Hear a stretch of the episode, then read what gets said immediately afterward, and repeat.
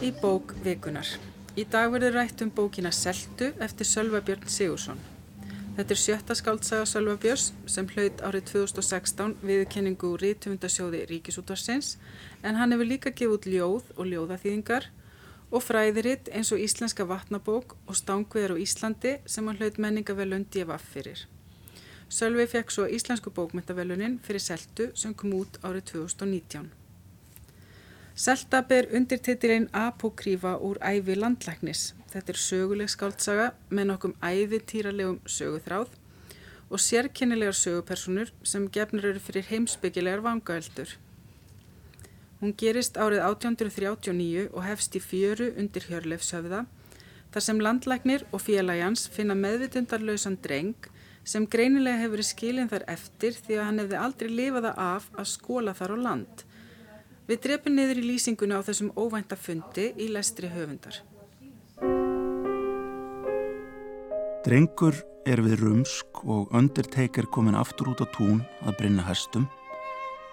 Ég horfi á þetta barn og spyr mig hvers vegna það liggur hér yfirgefið undir haustimni. Bein hans eru ónæg af kalsíum, varir hans og neglur benda til að hann hafi lengi ekki haft viðunandi næringu. Þrátt fyrir sjáarvolk og þara svefn má bak við eiru hans og á táfittum sjá margskonar sandbrekkur og mold. Hársförður er með mýrarauða sem ekki er komin úr sjó. Hann er lúsugur og með flóm en þeim pöttum drekki ég hitt snarasta í balsam og lefes. Ég ber spritt á tær og fingurgóma og velgi vatn til að skólan með. Hann er áagiska átta eða nýjóra Við varir hans eru rauvar og sár í hársverði og undir iljum. Fætur hans eru mjóir, líkamsár ekki að markitekin að vaksa og höfðið er hár hans dögt og þéttofið eins og ég hef ekki áður séð á sandi. Enni hans og lóvar bera enni sér kuldaða velkingi, hann á vond með að vakna og snýr á grúfu þegar ég reyna að ljúka upp augnhimnum. Sölvi Björn Sigursson las hér upp úr skáldsögu sinni Seltu sem er bókvikunar. Sá sem hefur orðið í þessari bók er landlæknir sem er búsettur á höfðabrekku í Mýrdal. Hann er tekin að reskjast, býða þarna eitt með hesti sínum, maltusi og vill helst, ef læknustörf kalli ekki á hann, liggja sem mest í rúminu. Stundum tekið mig til, segir hann, og tel drópan að gufa upp úr vasklasi frá dögun til hádegis eða tepli skák við maltus og færi taplmennina til fyrir hann. Oft sínist mér, sjá, oft sínist mér ég sjá í augum þessa vinar míns að ég sé ekki hlutlaus í þeirri keppni. Læknirinn á þó einni félaga í gömlum vini sem gengur undir því óvinnilega nafni Mr. Undertaker og gegnir því hættulega starfi að beða út post á þessu svæði jökulfljóta. Frásögnina skrifa læknirinn sem skýrslu til yfirvalda í Danmörku þótt efniviðurinn verði fljótt ansi persónulegur Því drengurinn sem skilin er eftir fyrir hann að finna knýr hann til þess að gera upp við atbyrði úr fortíð í fjarlægum löndum þegar læknirinn týndi bæði eiginkonu sinni og ungri sýstur hennar. Sögusviðið er því ekki aðeins Ísland um miðbygg 19. aldar heldur Kaupmannahöfn, Belgia og enn suðlægari slóðir í kringum aldamótin 1800 þar sem óhugnanleg morð í þá vísindana, fjárhættu spil, eiturlif, róttuveiðar og jafnvel sjóræningjar koma við sögu. Gestir mínir í dag eru sagfræðingurinn Hrefnar Óbestóttir og Egil Arnarsson, rittstjóri hjá Háskólaútgafinni. Velkomin. Takk. Takk. Hvað segir þið? Hvað finnst þið ykkur um söguflittuna? Hún er svona ansi viðbúrarík. Já, hún er, hún er undarleg. það, hérna, það tók svolítið tíma að átta sig á henni þegar maður var að lesa bókina og maður kemst kannski ekki alveg til bóts í henni fyrir maður líkur henni. Einmitt. og er svona, þetta er svona saga þar sem að segir, allir þræðir svona mm. hérna, maður getur rakið þá til enda í lokin, það er einhvern veginn svona þetta gengur upp í lokinu Já mm. Hvað segir þú Eil, hvernig fannst þér svona Mér fannst alveg spennandi að, að, svona, ég var alveg spenntur að vita hvernig þetta færi nú allt, eða hvernig þetta tengdist allt saman í endanum uh -huh. og það er svona þessi, hvað sé að ekki við kallað hlutlega frásögn að þetta ferðalag uh, hérna um, um vegaleysu og hættuleg ferð í, í þeim tilgangi að bjarga lífi þessa drengs. En síðan er þetta og, og það kannski uh, er svona um, reynist byggt á vissum miskilningi öll svo ferð en, en er, er um leið nöðsynleg fyrir söguhetjuna landlæknin til þess að ég mitt að, að hérna, gera upp vortina finna sannleikan um, um hvað gerðist á þeim tíma og finna frið í sálinni Já, einmitt, það, það gengur náttúrulega mjög mikið út á það. Mér fannst þetta einmitt líka, það var svona, þetta er svolítið skemmtilegu lestur, það allavega leittist ekki mm. og hérna, og mér fannst líka lýsingarnar oft mjög skemmtilegar, til dæmis náttúrlýsingar, það er mjög mikið af þeim í rauninni bókinni. Tókuðu eftir því líka? Já, ég gerði það og sandurinn og, og já, og grasið og snjórin og, þetta er svona haustferðalag þegar norður.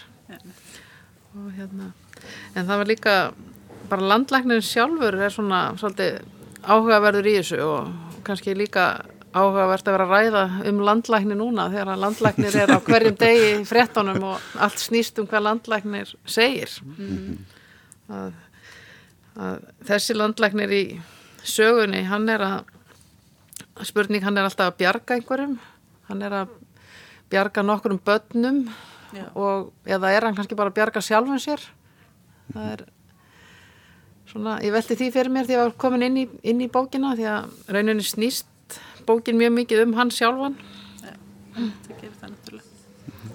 Uh, Svo líka var ég að velta fyrir mér uh, stílsögunar uh, kannski svona aðeins árum við höldum að fram orðalægið er svona allt svolítið óvenjulegt um, og við kannski töluðum um það hérna mitt fyrir þátt en það er kannski margt sem að virkar svona kannski gamaldags en svo er, hérna, er það samt sumt bara mjög nútímalegt þannig að stílinn verður mjög sérstakur. Já, hann er það og nú er svona í orðana hljóðan segir að bókin gerist 1839 meira að minna en orðfærið það er talað um núðlur og kolvetni og daglega göngutúra á landnámsænur og annað þannig að orðfærið er mjög nútímalegt þannig að uh, maður getur velt því fyrir sig hvort að þessi svona sviðsetning á 19. öldinni sé rauninni kryttin í samtíma söguna frekar en öfugt og, og jafnvel framtíðasaga Já Jú, jú, það er rétt að það er alls konar orð þarna sem að höfundu bara leiku sér að því að setja inn þeir segjast vera stressaðir þeir öndartekur og landlegnir uh, að hvernig tímapunkti og, og svo framvegis og en hérna ég held bara hann, uh, Sölvi Björn hefur nú sagt að sjálfur í viðtali hann hafði bara mjög gaman að því að skrifa þessa bók og var bara að leika sér svona mm.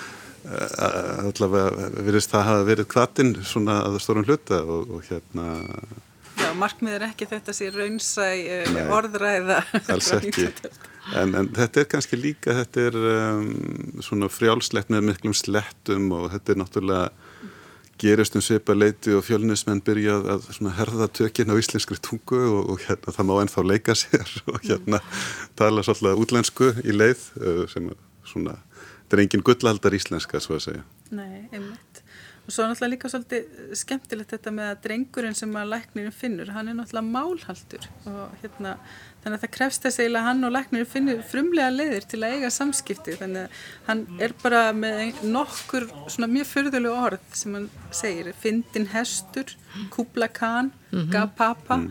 og, hérna, og þeir þurfa einhvern veginn að eiga samskipti bara með þessum orðaforða mm -hmm. það er alltaf svona, kannski hvað skal segja það undirstryka það hvað hérna, það er verið að bara prófa sig áfram með tungumálið eða eitthvað Já En mér finnst líka skemmtilegt hvað hestarnir heita skemmtilegum öfnum, Maltus, Keks og Haustlí. Já.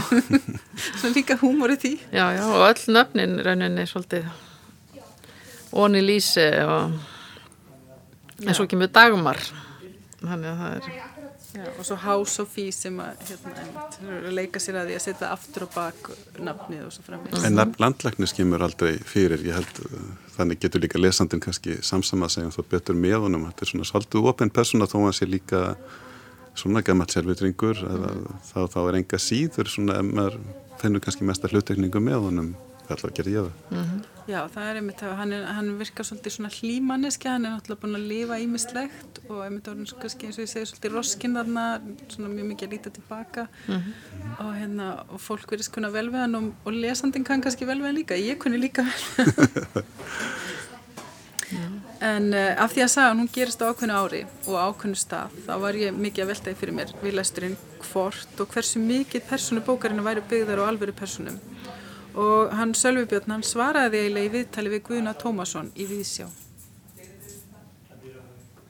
Um, ég myndi nú ekki segja að negin einn heimild fyrir sögunni en það er sagan svona ævintýralega á köplum Já. og kannski eitt og annað sem að stingur í stúfi þar sem að hérna, hefbundin Íslandsaga 19. aldar segir okkur en það er svona eitt og annað kannski var kveikjan að vissu leiti það að hérna lesa ferðabók Sveins Pálssonar sem var nú landlæknir í, í hérna afleysingum held ég bara í einn, tvö ár mm. var nú ekki mikið lengra hjá honum á höfðabrekku í Myrdal og það var á svona sveipum tíma og ég hef verið að lesa önnur uh, ferðaritt frá líkum tíma eins og ferðabóka Getur Bjarnar og, og svona þennan litteratúr okkar mm. Sem eru nú þýttar bókmyndir í sjálfu sér sko því að þetta var nú allt skrifað á dönsku mm -hmm. og borgað á konungi og svo var þetta þýtt og geysilega fallegum íslensku þýðingum svona kringum meðja síðustöld ég held að hann heiti Stendur Stendursson minni mig uh, annar þýðandan allavega að að ferðabókinni Já. og hún ber í sig mikla gnótt af fögrum orðum og skemmtilegum lýsingum og bara gaman að lesa um það hvernig þessi maður var svona kort í senn náttúrufræðingur sem var að skrásetja uh, ókannaðar lendur Íslands og svo tekur svo að sér í, í hjáarkum að líkna fólki þegar ekki annar finnst mm -hmm. til þess Hér sagði Sölvi Björn Sigursson frá kveikjunni að skáltsugunni Seltu en hann tók einni fram í þessu viðtali að sögufléttan væri að engu öðru leiti byggð á æfi Sveins Pálssonar. Uh, Hrefna, þetta er kannski ekki tímbil sem hefur bynt rannsaka skilt mér en sem, sem sakfræðingur en þessi sögulega vítsögunar, hún hlýtur að hafa ekki áhuga hjá þér. Já, hún gerði það og, en ekki kannski síður fyrir hvað var margt nútímalegt sett inn í hana. Já. Þannig að Ég gati ekki varist í að velta fyrir mig samtímanum eða hverskipti sem hann var að tala um einhver mál og hann til dæmis er með margt sem að tengir sko en er síðan mjög nútímalegt. Kirkibæja klausturs hæli, eh, þar var náttúrulega kirkibæja klaustur og klaustur byggingar og, og þessar stofnarnir voru kannski oft fyrir holdsveika en í rauninni starfsemi sem að dagmara með, hún er mjög nútímaleg mm -hmm. hún er sett fram sem sjálfstæðstofnun, hún er með hugssjónur um kvenréttindi uh, hún vil verða lækinir það er margt óhugsandi sem hann kemur með inn í söguna mm. og þá fór ég að velta fyrir mér eins og hann er að tala um Belgiu er þetta bara samtíma að vísun í Brussel um, móðuharðindin er það bara lofslagsmálin og, og svo félagsmál samtímans í rauninni. Og hann er náttúrulega með allt þetta fólk sem hann er að bjarga. Mm -hmm. það er fólk sem að eða krakkar sem að svona, þurfa hjálpar við en á einhvern, á einhvern nútímælegan hátt. Og, og lífsættan einhvern veginn kemur bæði gegnum það þau börn og hann sjálfan. Hann veldi fyrir sér af hverju er alltaf að fara yfir þessar erfiðu ár hann er að velta fyrir sig fyrir sig okkur er hann alltaf að gera eitthvað stór hættulegt hann sækir í lífshættuna líka en, en uh, og síðan frakkin sem kemur hérna.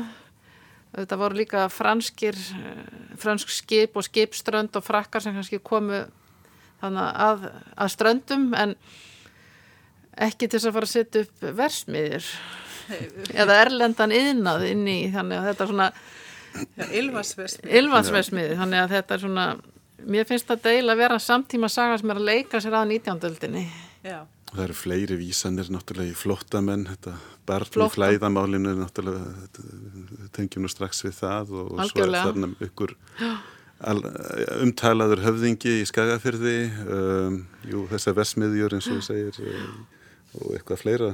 Þannig ykkur finnst þetta raun og vera kannski bara samtíma saga eða einhverju liti eða meira leiti heldur en Ég það er samt óljóst kannski hvað nákvæmlega hver, hver þá bóðskapurinn til samtímans ætti að vera. Það er alveg mm. að draga fram eins og þetta með dagmar og hennar sagt, uh, draumum að, læra, hvað skilja, fara í læknanám í, mm. í Danmörku sem er óhugsandi á þessum tíma en og svo spyr hún af hverju ekki? Og, og, hérna, og það er svo margt sem við getum líka spyrst í dag af hverju ekki? Mm -hmm. og svolítið hún segir eiginlega eitthvað með það þú veist, einhver verður þá að vera fyrstur og þú veist, það verður að hérna, það má ekki bara gefast upp af því það hefur ekki verið gert áður. Nei, nákvæmlega. En svona reps ómægi með sjálfstæðan fjárhaga að reyka Já, svona fórstuðum aður sambílis þallaða í kirkjubæði klustri þetta er náttúrulega, já, hefur verið frábær hugmynd á þessum tíma. Já og hún er náttúrulega líka mjög sérstök persóna dagmar. Eh, eh, þetta er svona eitthvað svona ofurhetja náttúrubarni niðursetningur og hérna sem er búin að hesthúsa allan Díti Ró mm. uh, hérna sem úlingur og það er að segja alla alfræði orðabókina sem hann gaf út á samt fleirum. Á sama tíma er landlæknir að, að, að, að eðir þarna löngum vetrakvöldum uh, heilu veturna að lesa smárið eftir Descartes sem er svona skrítinn svona mm -hmm. mótsögn Þannig að uh, þú er kannski hrefna svona uh, þetta fyrst þetta kannski þá ekki beint svona trúverðu uh, sögursvið frá 19. öldinni Nei, hann einhvern veginn mér finnst eiginlega við hvert atrið sem kemur þá næra hann að snúa því aðeins þannig að mm. það er það er margt, það þetta er á þeim slóðum þar sem móðuharrendin voru. Það er raunnið, það er sandurinn og það eru frakkar og það eru uh, landlegnir eða bjóum tíma þarna í afleysingum þó að kannski þetta sé svæði meira fyrir héraslækna en það er mjög margt sem að maður segir já þetta er 19. aldin en nei það var það ekki. En, en ein hugmynd sem ég fekk því að það er á einhverjum stað segir hann að hann sé sjálfur 230 ára gamal landlæknirinn sjálfur mm. og það gerir það að verkum að segir eitthvað, eitthvað sé jafngamalt tónum sjálfum, einhver sem er á hælinu og það þýðir að sagan er að gerast árið 2060 ef þetta er tekið bókstaflega mm. ef þetta er ekki hluta af einhverjum þjóðsagna vísunum sem koma mjög víða þannig að eh, mætti líta á þetta að sé framtíða saga þar sem er verið að fara aftur aftur og baka eftir raun samtímas eftir lofslagsbreytingar og mm. þetta er kannski svolítið langsátt tólkun en svona ég staldraði við þetta að hann væri 230 ára ja. eða segðist vera það mm -hmm. Einmitt uh, Í skáltsögu Sölubjörns frá 2011 gestakomum í Söðlögstæl þar var sögumæður og aðal personabókarinn að byggja á raunverulegri mannesku prestinum Byrni Haldósinni og það er verið að beina aðtikli að frumkvöla starfi hans í kartublurækt sem var svona ansvar við hörmungunum sem gengur við landi á 18. öld. Uh, Björn, hann fættist árið 1724, lést árið 1794, þannig seltur við komum svona 50 ár nær okkar tíma. Mér fannst svolítið freistandi þess að bera saman þess að tvær bækur og að hugsa hvort þetta væri svona næstu tíu eins og hérna framhald allavega, höfundurum væri svona þess að halda áfram mm -hmm. einhverju færðarlegi.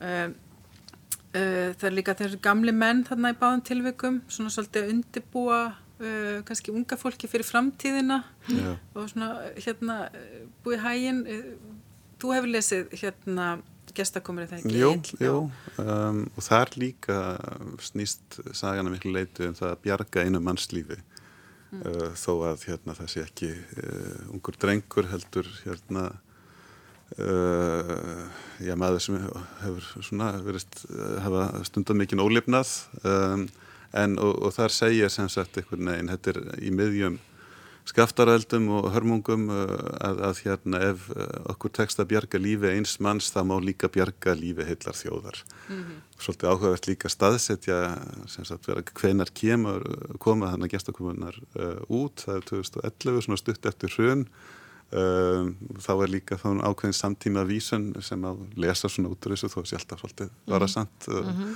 eins ég veit ekki nák ég veit um þarna ýmsar samtíma vísun er líka í seltu um, eins og þú nefnir mm -hmm.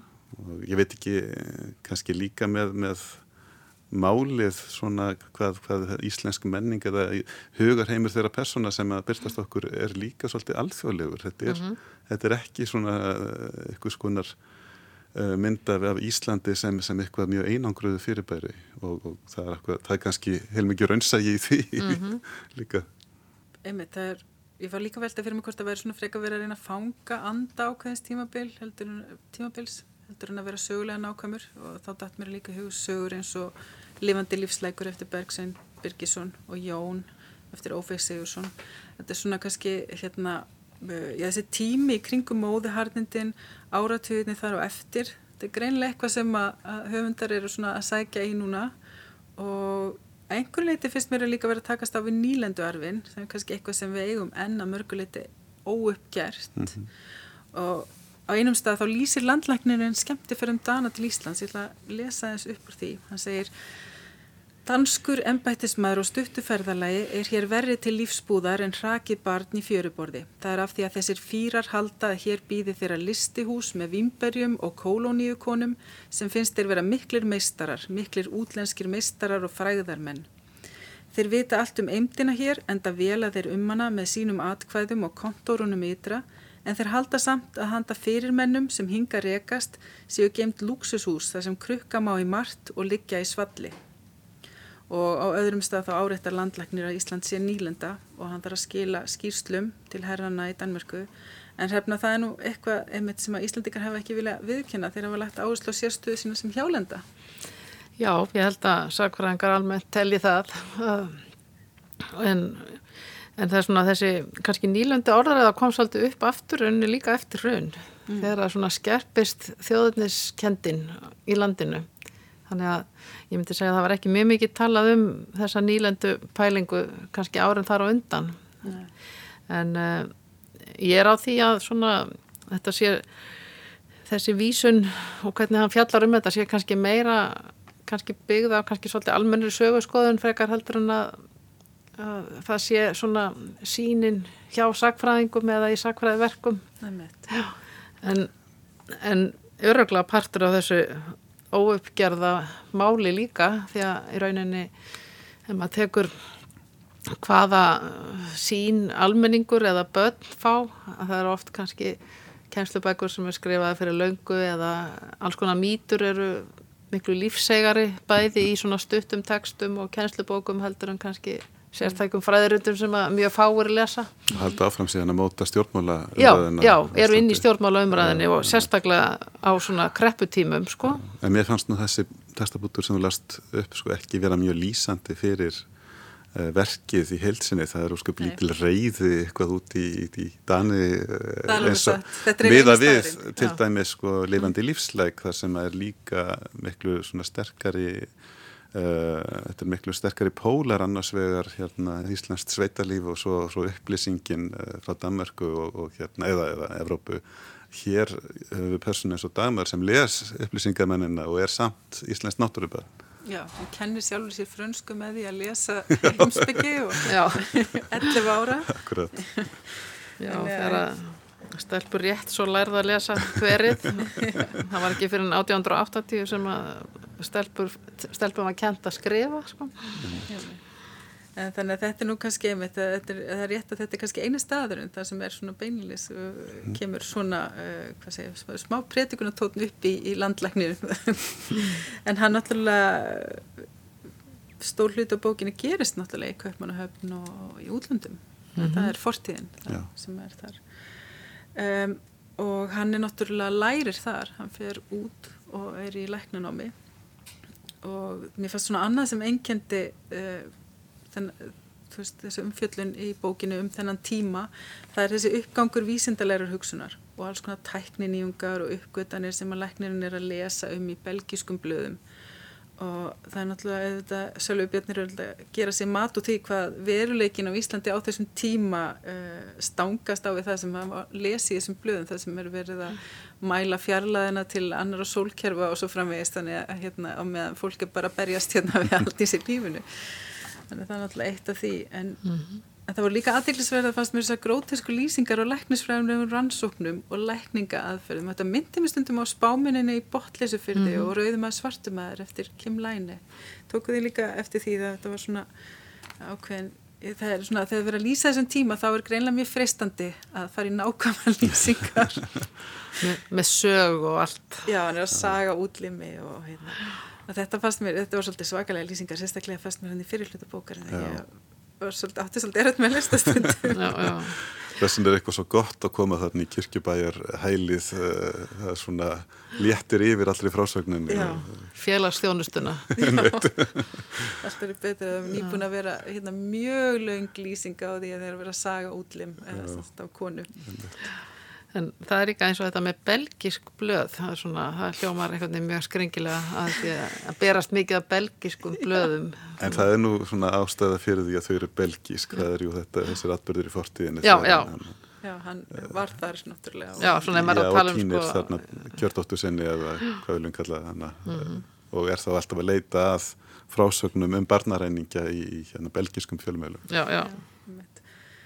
já já og svona, já hann notar náttúrulega þessar, uh, kannski notar þetta líka svolítið uh, þessar svakalega aðferðir sem voru hérna, til rannsókn og lækninga til þess að skapa líka ákveði ílmenni það er hérna ílmenni sögunar er einhver svona brjálegar vísindamæður og hérna og það er náttúrulega uh, mér fannst það líka svolítið áhugavert því það dregur líka fram þennan þetta punkt að vísindilega framfarir það er oft mjög mikið tilkostnæðir, það er eitthvað, mm -hmm. eitthvað svakalegt sem líkur þar á baki En, og mikil grimd jafnvel, svona mm -hmm. mannleg grimd í því að gera alls konar tilraunir og, og jafnvel á fólki en svo eru niðurstöðuna kannski jákvæðar og -hmm. bjarga mannslífum þannig að það er ekkert svona svartkvít kannski í því heldur Þetta, hann er mjög mikið að velta fyrir sér hann, vísindum versus uh, hjátrú til dæmis mm -hmm. en það er kannski ekki tekinn svona brengt afstæða Þetta er nú ekki mjög bóðandi bók, það er alls konar svona lífsspeki í henni mm. og, og bara fallegir hlutir að þeim toga en, en það er ekki verið að segja manni eitthvað neginn að, að vísindin eitthvað neginn þeim megi ekki hafa allan þennan fornakostnað mm. eða eitthvað í þeim dúr. Þetta er ekki breytikun. Nei, einmitt. Og segir einmitt, hún er ekki, uh, þessi vísdómsórð þannig að er kannski mjög mikið til einmitt af því að læknirinn er hann er náttúrulega svolítið einfari og er svolítið mikið einn og hann er svona mjög mikið að spekulera mm -hmm. og þegar hann tala við fólk þá er hann alveg mjög heimsbyggilegur mm -hmm. og yfirleitt fannst mér bara allar sögupersonuna mjög heimsbyggilegur í sínu rappi hvað fannst ykkur svona um það? það er... Jú, það er mér fannst það að vera svona svolítið nútímalegi parturinn líka sko og, og svo þetta eins og segir hann var oft einn, hann kemur ekstra hann var einn heima ég held að það er nú ekki gerst mjög oft í sveita heimilum þú getur ekki búið einn. Nei, þú verður að hafa það er til að reka svona kannski sjálfstöðstar heimili þá held ég að sé mjög fáir sem að bjöku einir nema þeir væri kannski við sjó eða eitthvað gáttu Sko mér fundust þess að svona þessar eh, hugleðingar um lífið og tilveruna eða þetta, þessi samtöl kannski ekki það mest áhugaverða í, í bókinni en, en eins og ég segi það, það, það koma þarna svona sterk móment uh, eitthvað sem að getur jafnvel flokkast undir núvetund í dag, eitthvað að lífið er uh, á hverjum degi uh, landlagnir og svo mhm. framvegis mm, og, og hérna maður fær smá gæsa húð og hérna það er bara fallegt. Mm -hmm. Það er mitt Um, hann er náttúrulega landlækna, hann er mjög áhugasamur uh, lærlingur nýra vísinda en hann er einmitt líka það sem einnkjörnar kannski meira er svona mannúð og góðmennska sem er kannski einmitt, það er kannski, ef við getum talað um boðskap þá hugsa ég með það veri kannski hlut til þetta, það er náttúrulega líka mikilvægt. Svona mennska. Já.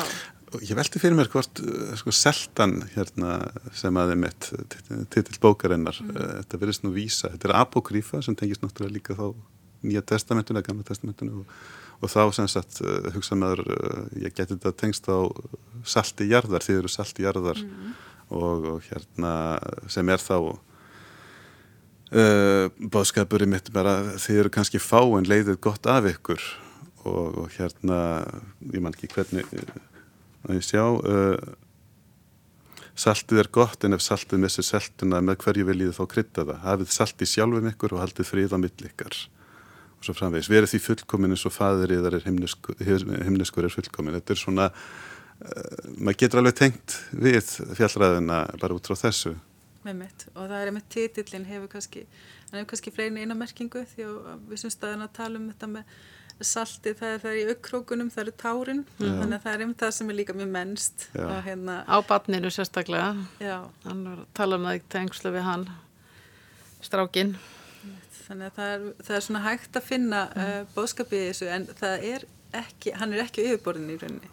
Nei, Nei. en, en uh, það er til dæmis uh, svona einn lífsbyggin er að maður ekki vera ofastur í fortíðinni og, og hérna að velta sér upp úr einhverjum harmrænum atbörðum sem gerast fyrir lengur síðan og uh, nú fer hann þarna mis við þessar tvær konur uh, í, í Belgíu og en uh, við skulum bara ljóstra upp frá því, hann hittir þær aftur og, og hérna, en þeir endur fundir verða ekkert sérstaklega dramatískir og uh, síðan ganga þau hver áttina stuttu síðar og, mm. og uh, hvað var að segja það, það er þá einhvern veginn uh, hann hefur velt sér upp úr þessu er, uh, hann, hann dreymir um að hitta þær aftur en síðan gerist það og um, lífið snýst um ímestlegt fleira heldur mm. en þetta mm.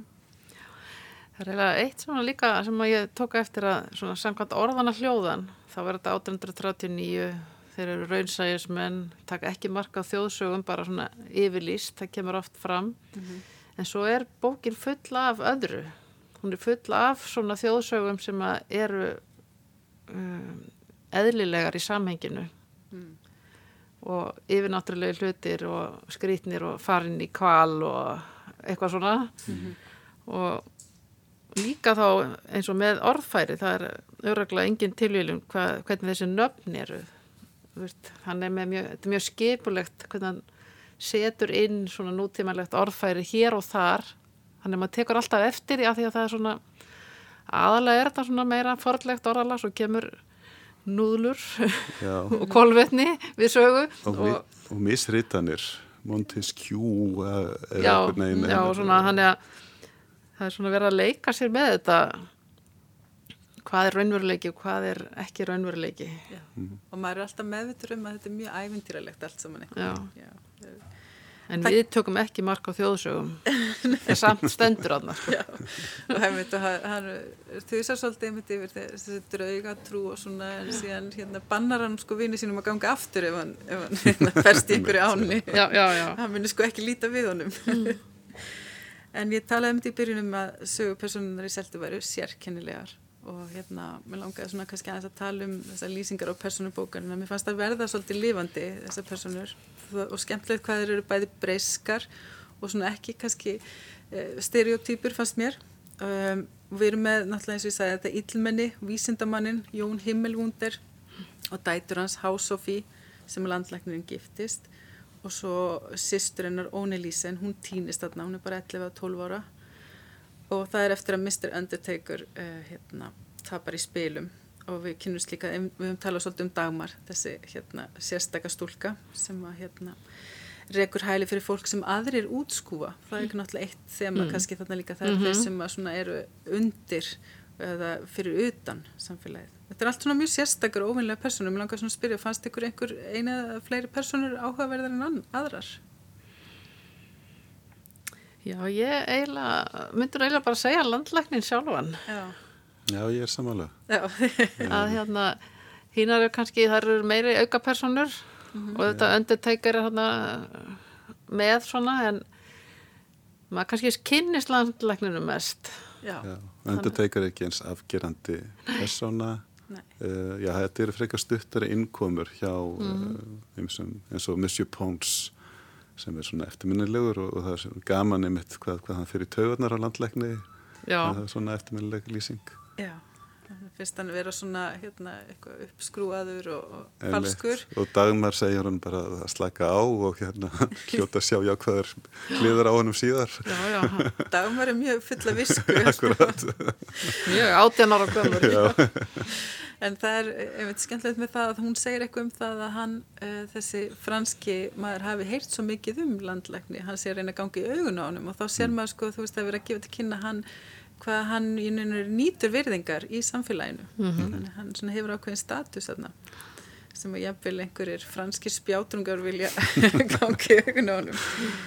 En já, ég var svolítið hrifin af Mr. Undertaker, mér fannst hann skemmtilegt hvað hann á sér svakalega fortíð.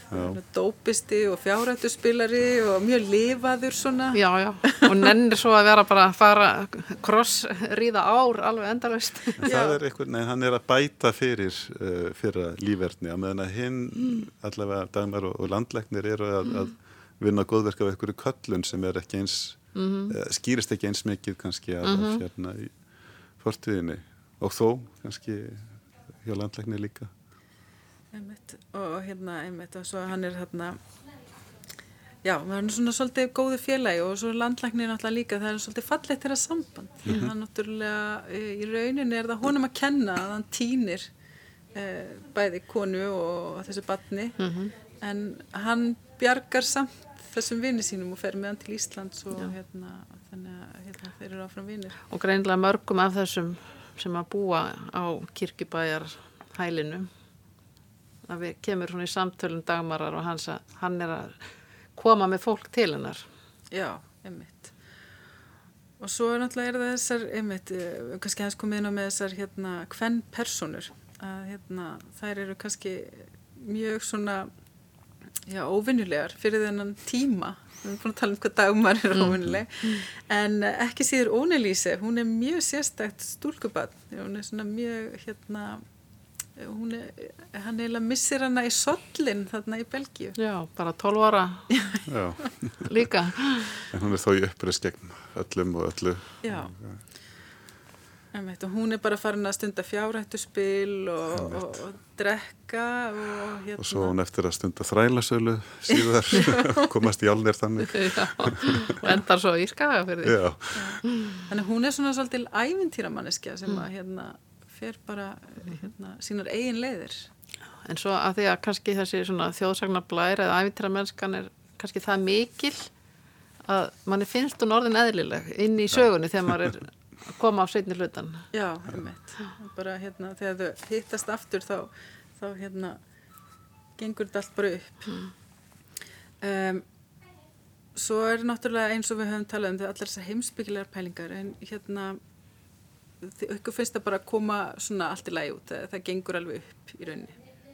Já, er þetta ekki bara hluta persónasköpun og lýsing á þessu sambandi eh, landlæknis og endurteikars Já og svona kannski sjálfskoðun landlæknis. Já, kannski því að hérna maður ef maður er að hugsa um meðals sveita hrepp fyrirluta 19. aldar þá held ég að það sé að ekki verið svona mikið af frönskum heimsbyggingum á hverjum bæ. Nei. Um, Svona í lokin uh, þessi bók náttúrulega fekk íslensku bókmyndaveljunin og hérna hvernig svona, er þau sammálið því mati að hún eigið skilja hafið lesið til dæmis eitthvað uh, margar af bókunum sem komu út núna síðustu jól? Uh, ég bara lesið eina af þessum fimm öðrum sem, a, sem voru, voru tilnæmdar sko. uh, las betur inn í fræðbókafloknum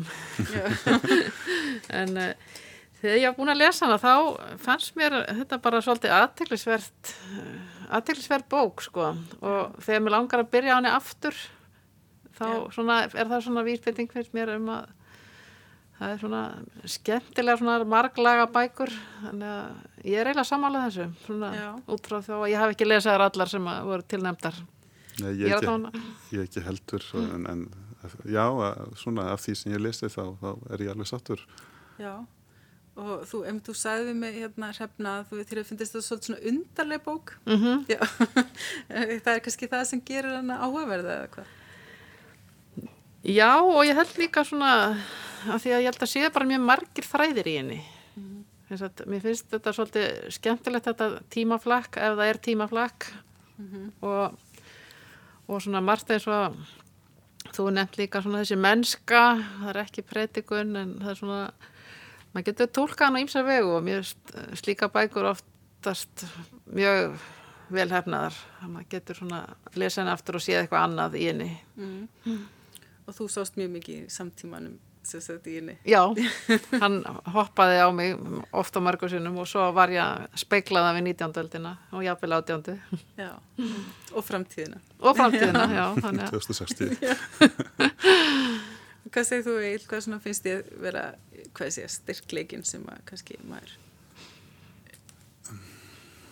Já, þetta er bara eins og við heyrðum líka á lestri Sölvabjásinn í byrjun, þetta er bara á einhverju mjög hljómþýðu máli og það er bara notalegt að lesa hana um, og uh, þegar ég las hana aftur þá, þá uh, einhvern veginn átt að ég með á því að það var ekki eins mikið af svona 19. aldar íslenskru ömurð uh, í, í frásagninni, þetta er mikið um, einmitt svona samtölum um lífið og tilveruna og, og hérna og æfintýri og, svo framvegis og hérna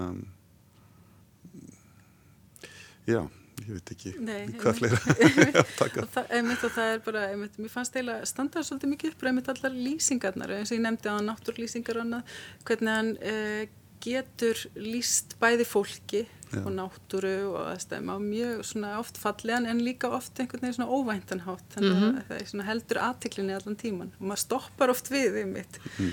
uh, hvernig hann notar uh, tungumálið. Já, það er örugglega fullt af nýjirðum í þessari bók líka. En þar með ljúkum við um fjöllun um bókvikunar sem var selta apokrífa úr ævi landlæknis eftir Sölva Björn Sigursson. Takk fyrir spjallið, Egil Arnarsson, reittstjóri hjá Háskólútgafinni og Hrefna Rópesdóttir, segfræðingur. Hlustendur geta svo áfram nálgast við tölu og upplestrar bókum vikunar á heimasíðu þáttarins rú.is skástrygg bókvikunar. Verið sæl.